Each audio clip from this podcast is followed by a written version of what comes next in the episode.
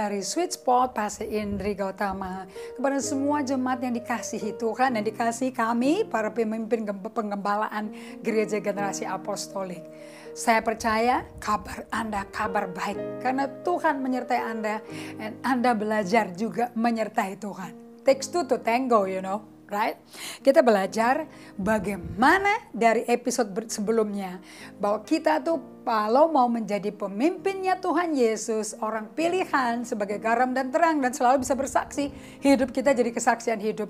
Dan we have to have the source. Kita mesti punya sumber yang memimpin hidup kita untuk mengalami transformasi. Saya introduce a new word.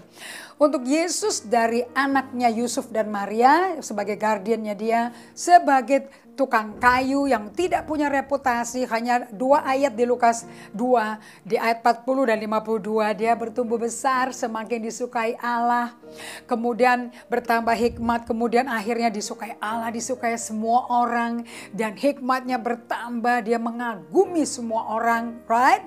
Dan baru dia dibaptis selam usia 30 menjadi rabi menjadi guru. Dan dia untuk menjadi guru yang memimpin, menjadi rekan sekerja semuanya agar jadi panutan semua orang di Israel. Dia belajar dipimpin roh kudus. Berarti sumber keberhasilan dia adalah roh kudus.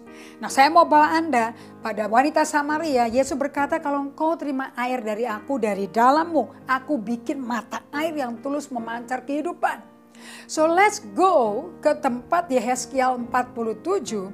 Ini nubuatan akan Yohanes 4 dan nubuatan akan Yohanes pasal 7. Di Yohanes pasal 7 kita belajar barang siapa haus akan datang kepadaku dan aku beri minum.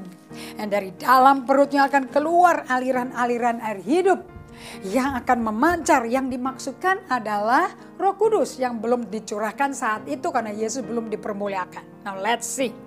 Di Yehezkiel 47 kita belajar ada sungai yang keluar dari bait suci. And kita perhatikan baik-baik.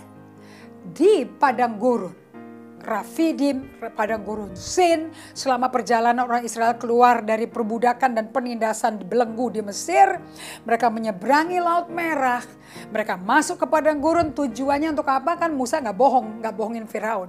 Kasih kita tiga hari tiga malam untuk umat Tuhan berjalan ke padang gurun untuk Allah berkenalan sama mereka.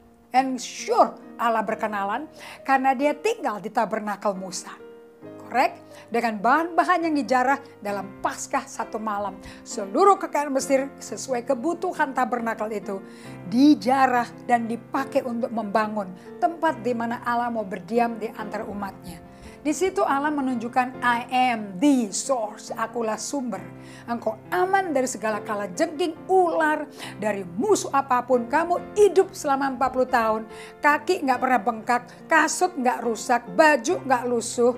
Baju yang mereka pakai keluar dari Mesir sampai 40 tahun di padang gurun bajunya sama terus tidak pernah bau badan, tidak pernah koyak, tidak pernah ada gangguan peredaran darah amazing. Gak ada BPJS, gak ada rumah sakit, gak ada tabib. Karena keluaran 15 ayat 26 Yesus Allah berkata, I am the God that healeth thee. Akulah Allah penyembuhmu. So mereka hidup di dalam supernatural of the source.